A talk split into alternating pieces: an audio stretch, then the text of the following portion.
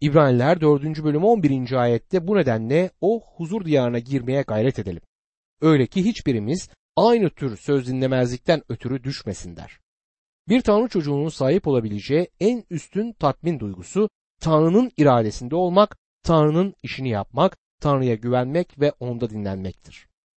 Tanrı'nın sizin ve benim varmamızı istediği görkemli yer burasıdır. Meryem buraya vardı. Marta mutfakta tencereler ve tavalarla uğraşırken o İsa'nın ayaklarının dibinde oturmuştu. Marta İsa'ya hizmet etmeyi istiyordu ama gerçek huzurun ne olduğunu bilmiyordu. Fırına bir şey koymaya karar verdi ve fırın tepsisine uzandı.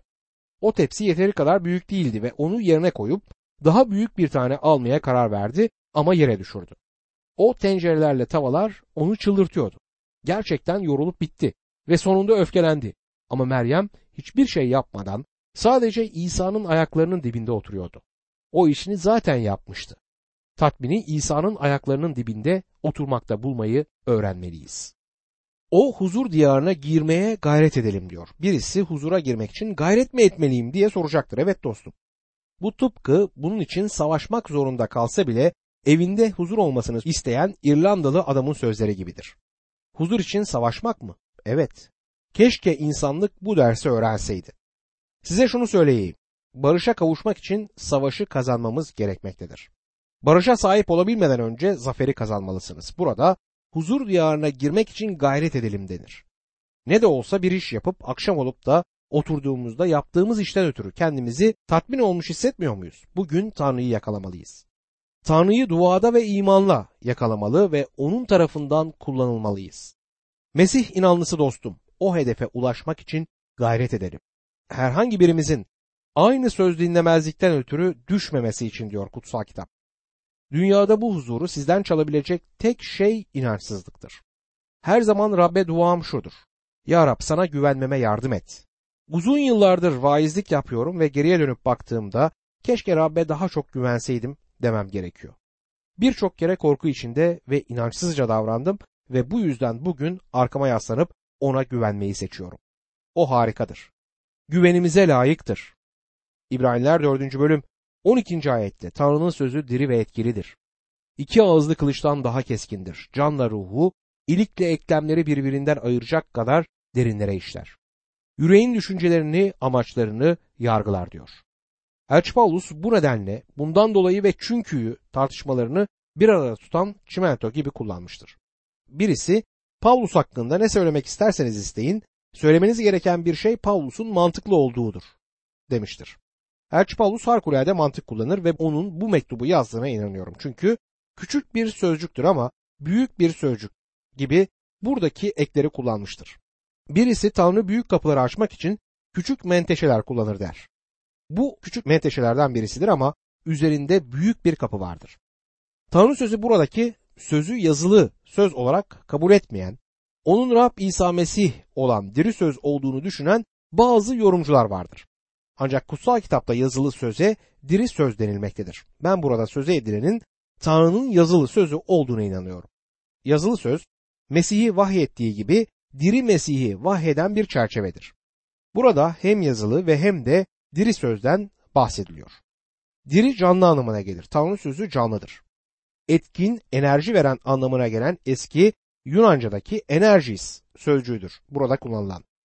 Tanrı sözü canlıdır ve enerji verir. İki ağızlı her kılıçtan keskindir. Teoloji eğitiminde bir öğretmenimiz vardı. Bir grup genç vaize Tanrı sözünü vaaz ettiğiniz zaman onun diri ve etkin olduğunu ama iki ucu keskin bir kılıç olduğunu hatırlayın. Cemaati keser ama diğer yüzü de sizi kesecektir. Bu yüzden kendinize vaaz etmediğiniz hiçbir şeyi cemaate vaaz etmeyin demişti. Vaizlik yaparken birçok kereler kendime vaaz ettiğimi gördüm. Vaaz belki de benden başka hiç kimse için değildi. Kutsal kitap yorumlarını yayınlamak için kasetler, CD'ler hazırlama konusunda bana takılan bir arkadaşım vardı. Orada çalışma odamda oturmuş kendi başına konuşuyorsun derdi. Doğrusunu isterseniz burada oturup kutsal kitabı öğretirken hep böyle olur. Kendi kendime konuşurum. Söylediklerim radyo dinleyicilerimden hiçbirine hitap etmeyebilir ama bana hitap ediyor. Tanrı sözü iki tarafa keskin bir kılıçtır. Diğer adamı kesecektir. Ama sizi ve beni de keser. Tanrı sözü iki tarafı keskin bir kılıçtır ve derinlere kadar keser. Elçi Paulus Seraniklere şöyle der. 1. Selanikliler 2. bölüm 13. ayet. Tanrı'ya sürekli şükretmemiz için bir neden daha var. Tanrı sözünü bizden duyup kabul ettiğiniz zaman bunu insan sözü olarak değil, gerçekte olduğu gibi Tanrı sözü olarak benimsediniz. Siz imanlarda etkin olan da bu sözdür. Selanikliler Tanrı sözünü sadece sıradan bir söz olarak değil, Tanrı'nın gerçek sözü olarak kabul ettiler. Elçi Paulus Tanrı sözünü verdiğinde şöyle der. 1. Korintliler 2. bölüm 4. ayetti. Sözüm ve bildirim insan bilgeliğinin ikna edici sözlerine değil, ruhun kanıtlayıcı gücüne dayanıyordu. Şimdi dinlediğiniz bu radyo yayınımızı dinleyenlerden Tanrı sözü aracılığıyla Mesih'i tanıyıp Mesih inançlarının ve duanın tadını çıkartan insanlarla görüşüyoruz, mektuplar alıyoruz. Tanrı sözünün amacı budur. Sizin ve hayatınızın üzerinde etki yaratmak. Ya Tanrı sözü sizi günahtan uzak tutar ya da günah sizi Tanrı sözünden uzak tutar diye bir söz var. İnanların büyük bir kısmı Tanrı sözünde yeterince vakit geçirmiyor. Çok sayıda vaiz Tanrı sözünde yeterince vakit geçirmiyorlar. Bir vaizin sahip olabileceği en büyük disiplin topluluğuyla birlikte kutsal kitabı kitap kitap ele alıp baştan sona etüt etmektir. Bu disiplinin cemaate bir yararı olmasa bile vaize bir yararı olacağı kesindir. Vaiz olarak hizmet ettiğim zamanlarda toplulukla birlikte kutsal kitabı baştan sona kadar kitap kitap etüt etmeyi hep arzuladım ve bunun için adımlar attım. Bunun bana çok yararı oldu. Benim için oldukça geliştiriciydi. Tanrı sözü keskindir, diridir, etkindir ve canlıdır. Canla ruhu, iliklerle eklemleri birbirinden ayıracak kadar derinlere işler diyor kutsal kitap. İkisi arasında dahice psikolojik bir ayrım yaratarak canla ruh arasında bir ayrım yapmaya çalışan pek çok insan var. Sadece Tanrı sözünün canla ruhu ayırabileceğini biliyor musunuz? Sizler ve ben bunu yapamayız. İnsanın canıyla ilgili kısımdan ve Tanrı'nın bize kutsal ruhunu verdiğinden söz ederken birdenbire canla ruh arasında bir ayrım yapmadığımı, bunu ancak Tanrı sözünün yapabileceğini görürüm. Kutsal kitapta can ve ruhun eş anlamlı olarak kullanıldığı zamanlar vardır. Can ve ruhun ayrı olduğu ve aynı şey olmadığının açık olduğu başka parçalarda bulunur. Sadece Tanrı sözü canı ve ruhu ayırabilir. İbraniler 4. bölüm 12. ayette Tanrı'nın sözü diri ve etkilidir, iki ağızlı kılıçtan daha keskindir, canla ruhu, ilikle eklemleri birbirinden ayıracak kadar derinlere işler. Yüreğin düşüncelerini, amaçlarını yargılar der. Yüreğin düşüncelerini ve amaçlarını yargılar. Buradaki yargılar sözcüğü aslında eleştirme anlamına gelir. Günümüzde Tanrı sözünün birçok eleştirmeni vardır. Bir şey bilmek isterseniz size bu konuda bir şey söylemek istiyorum. Tanrı sözünün kendisi zaten eleştiricidir. Sizi eleştirir, beni eleştirir. Hiçbir insan Tanrı sözünü eleştirme pozisyonunda değildir. Bunun pek çok nedeni var. Ve bir nedeni de onun gibi başka bir kitap olmayışıdır. Tanrı sözü 1500 yıl gibi bir süre içinde bazıları diğerlerini hiç duymamış olan 40 kadar değişik yazar tarafından yazılmıştı. Buna karşın hepsinin söylediği söz birbirinin aynıdır. Hepsi de aynı harikulade öyküyü sunar. Hepsi görkemli bir kurtuluşu sunmaktadır. Size şunu söyleyeyim ki hiç kimse bu harikuladeki kitabı eleştirme pozisyonunda olmayacaktır. Bir keresinde çok mükemmel ve zeki ve dünyaca tanınan bir bilgini dinleme fırsatım oldu. Bilginlerin çoğu alçak gönüllü olmaz ama bu çok alçak gönüllü bir adamdı. Konuşmasını bitirince biliyor musunuz bugün size kendim üzerine bir eleştiri yapmaya çalıştım ama size şunu söylemek istiyorum ki ben kendimi eleştirecek pozisyonda değilim dedi. Bunu söylemek alçak gönüllülük gerektirmişti. Aynı şekilde hiçbirimiz kutsal kitabı eleştiremeyiz dostum. Gerçekten de bu kitabı eleştirecek kadar çok şey bilmiyoruz. Ama bu kitap kesinlikle bizi eleştirecek kapasiteye sahip. Bugün insanları Mesih'ten uzak tutan günahtır. İnsanları Tanrı'dan uzak tutan kafada var olan entelektüel sorunlar değil, yürekteki günah sorunudur. Yüreğin düşüncelerini ve amaçlarını yargılar yani eleştirir diyor kutsal kitap için. Aslında kutsal kitap öncelikle yapılan hareketleri ele almaz. Elin yaptığı şey yürekten ötürüdür. Elin hareketi önce yürekte gerçekleşmiştir. Bu yüzden Tanrı sözü derinlere inip yüreği ele alır. Rab İsa Matta 15. bölüm 19. ayette çünkü kötü düşünceler, cinayet, zina, fuhuş, hırsızlık, yalan yere tanıklık ve iftira hep yürekten kaynaklanır der. Bu gerçekten kirli bir listedir ama sizin ve benim yüreğimde olan şeyler bunlardır. Yeremya 17. bölüm 9. ayette yürek her şeyden daha aldatıcıdır, iyileşmez. Onu kim anlayabilir diye sorar. Kimse anlayamaz ama Tanrı anlar. Tanrı sözü derinlere inip yüreklerimizin köşe bucağını ele alır. Bizim için gerçekten önemli olan şeyler düzeyinde bize hitap etmektedir. İbraniler 4. bölüm 13. ayette Tanrı'nın görmediği hiçbir yaratık yoktur. Kendisine hesap vereceğimiz Tanrı'nın gözü önünde her şey çıplak ve açıktır der. Tanrı'dan hiçbir şey saklayamazsınız. Genç bir Mesih inanlısı iken Tanrı'ya hayatımdaki her şeyi hatta planlarımı bile bildireceğim kandırmacasıyla çalıştım. Bana belirli şeyler vermesi, benim için belirli şeyler yapması için dua ederdim ama ona hiçbir zaman motivasyonlarımı, hayallerimi bildirmezdim. Duanın bu şekilde kulağa daha hoş geldiğini düşündüm. Doğrusunu isterseniz ona motivasyonumu söylemem gerekmiyordu çünkü o zaten başından beri benim isteklerimi biliyordu. Yüreğin düşüncelerini bilen odur ve her şey ona açıktır. Dostum sizin hayatınız onun için açık bir kitaptır. İnsanlar bana ona her şeyi itiraf etmemiz gerektiğini düşünüyor musun diye soruyorlar. Tabii ki. O zaten sizi biliyor. Ona her şeyi anlatabilirsiniz diyorum.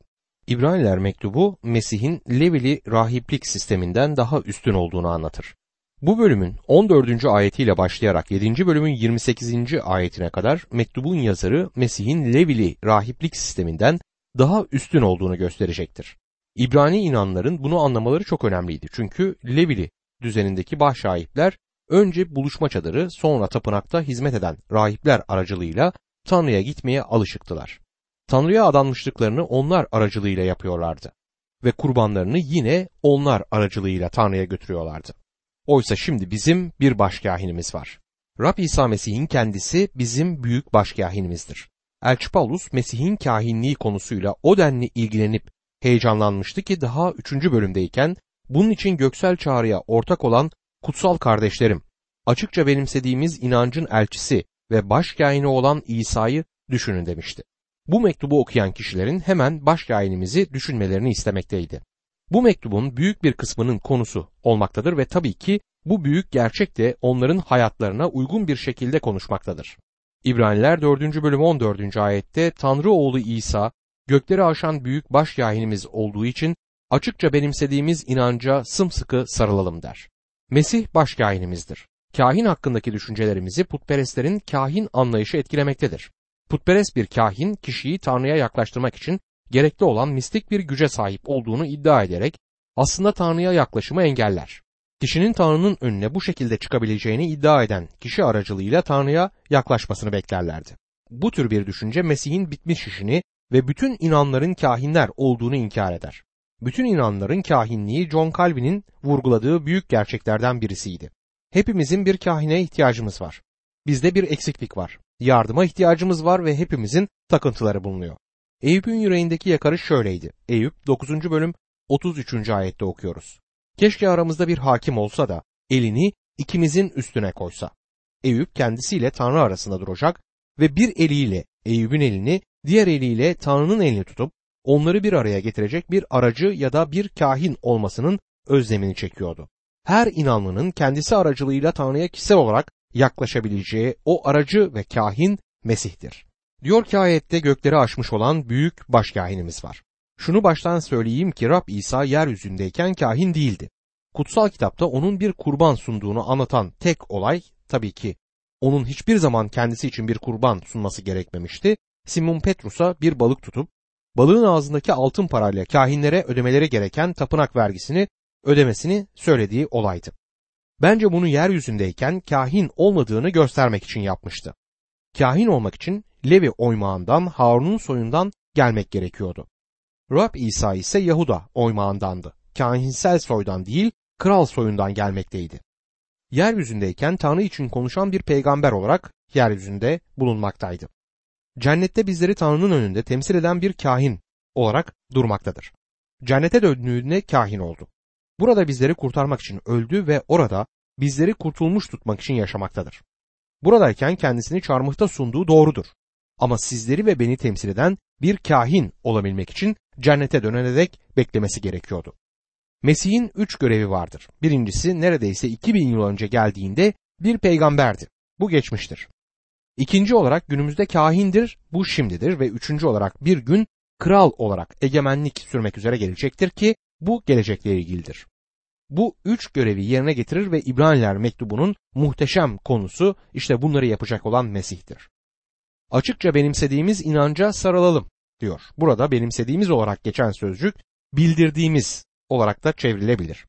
Elçi Paulus bizleri bunu yapmaya teşvik etmek ve çağırmak için bunu söyler. Açıkça bildirdiğimiz inanca sarılalım diyor. Kurtuluşumuza sarılalım demediğine dikkat edin. Kurtuluşumuzdan değil, tanıklığımızdan, bu dünyadaki tanıklığımızdan Elçi Paulus söz etmektedir. Mesih için yaşadığımızdan burada söz edilir. Mesih bizleri kurtarmak için burada öldü ve bizleri kurtulmuş tutmak ve iyi birer tanık olabilmemize yardım etmek için de orada yaşamaktadır. Bazı insanlar Mesih inanlı hayatı yaşayamıyorum derler. Size bir haberim var. Mesih'ten gelen inanlı hayatı yaşayamayacağınız doğrudur. Tanrı sizden hiçbir zaman Mesih'in inanlı hayatını yaşamanızı istemedi. Benden de bunu istemediği için minnettarım çünkü denedim ve başaramadım. Bunu kendi kuvvetimizle yapamayız ama o bunu kendisinin bizim aracılığımızla yaşamamızı ister. Bizler açıkça bildirdiğimiz inanca, tanıklığımıza sarılalım diye orada durmaktadır. 11. bölüme geldiğimizde bütün çağlarda yaşayan insanların yaşamlarında imanın neler gerçekleştirdiğini gösteren iman kahramanlarının yoklamasını göreceğiz. Orada adı geçen bütün insanların iyi birer tanıklığı, iyi birer raporu vardı. Onlarınki iman aracılığıyla iyi bir tanıklıktı. Çünkü imanla yaşadılar. İbraniler 4. bölüm 15. ayette ise çünkü başkahinimiz zayıflıklarımızda bize yakınlık duyamayan biri değildir. Tersine her alanda bizim gibi denenmiş ama günah işlememiştir der. Mesih sınanmış ama günah işlememişti. İsa Mesih çölde sınandığında günaha düşemezdi çünkü o Tanrı'dan gelmekteydi. Ancak sınanmasının baskısı onun bizim için olduğundan daha büyüktü. Bu dünyanın egemeni geliyor. Onun benim üzerimde hiçbir yetkisi yoktur diyebilirdi. Şeytan sizin ve benim içimizde bir şeyler bulabilir ama Rab İsa'da hiçbir şey bulamadı. Bunu size bir örnekle açıklamaya çalışayım. Suda duran bir vapur belirli bir derecede baskıya dayanabilir. Eğer üzerindeki baskı aşırı derecede artarsa vapurun teknesi kırılır ve içeri su girer ve böylece de baskı ortadan kalkar. Sizler ve ben böyleyiz. Baskıya teslim oluyoruz ve yeniliyoruz ve dolayısıyla da baskı kalkıyor. İsa Mesih hiçbir zaman teslim olmadı ve bu yüzden sizin ve benim asla yaşayamadığımız bir baskı yaşadı. Aynı şekilde bir yük treni vagonlarının taşıyabileceği bir yük sınırıyla ilerler. Eğer o sınır aşılırsa ortası çöker. Sadece belirli bir düzeydeki yükü taşıyabilir. Bu hepimiz için doğrudur. Belirli bir yükü taşıyabiliriz. Ondan fazlasını taşıyamıyoruz. İsa Mesih'in taşıyabileceği ayartılma ve sınanma yükü sonsuzdu. Sınanmıştı ve günah işlememişti. Ama sınanmıştı ve bu yüzden biz sınandığımızda neler hissettiğimizi bilir. Bizi anlayan bir başkahinimiz var. İsrail ulusu için Harun'un ölümünün Musa'nın ölümünden daha büyük bir önemi olduğunu düşünmüşümdür. Harun onların büyük başkahiniydi. İsraillerin birçoğu Harun'la birlikte büyümüş ve çölde onunla birlikte yolculuk etmişlerdi. Harun'a gidip bak Harun ben yapamam. Ben yapmamam gereken bu işi yaptım, kurbanımı getirdim diyebilirlerdi. Ve Harun onları anlayabilirdi. Onların kendilerini tam olarak nasıl hissettiğini Harun bilebilirdi. Ama Harun öldüğünde yeni başkahin olacak oğlunun kendilerini anlayıp anlamayacağı konusunda endişe ediyorlardı. Gerçekten onları anlayıp yardım edebilecek miydi? Her zaman erişebileceğimiz ve bizi anlayan bir başkahinimiz var. Bizi teorik olarak değil, yeryüzündeyken sınandığı için anlar ve zayıflıklarımızda bize yakınlık duyar. Açlığın ne kadar olduğunu biliyordu. Üzüntünün ne demek olduğunu biliyordu. Çünkü İsa ağladı. Her alanda bizim gibi sınanmış yine de günah işlememişti. İbraniler 4. bölüm 16. ayette onun için Tanrı'nın lütuf tahtına cesaretle yaklaşalım. Öyle ki yardım gereksindiğimizde merhamet görelim ve lütuf bulalım. Tanrı'nın lütuf tahtına cesaretle yaklaşalım diyor. Burada geçen cesaret sözcüğünde okuyanlar için bir tehlike bulunur. Cesaret sözcüğünde bir küstahlık bulunabilir. Bir yüzsüzlük kendisinden fazla emin olma iddiası olabilir. Aslında söylemek istenen şey bu değildir. Eski Yunanca'da bunun için çok ilginç bir sözcük olan par hesia kullanılmıştır. Atinalıların çok değer verdiği konuşma özgürlüğünü ima etmektedir. Onlar belki de her vatandaşın konuşma özgürlüğüne sahip olması gerektiğini düşünen ilk toplumdu. Öyleyse Tanrı'nın lütuf tahtına büyük bir özgürlükle yaklaşalım. Rab İsa Mesih ile rahatça konuşabiliriz. Ona size söyleyeceğim şeyler var. Bunu biliyor musun? dediğinizde o beni anlayacaktır. Benim zayıflıklarımı bilir ve bunları ona anlatabilirim. Ona karşı dürüst olmayı öğrendim. Onunla yüz göz olmaya çalışmadım. Bu tür yaklaşımlardan hoşlanmıyorum.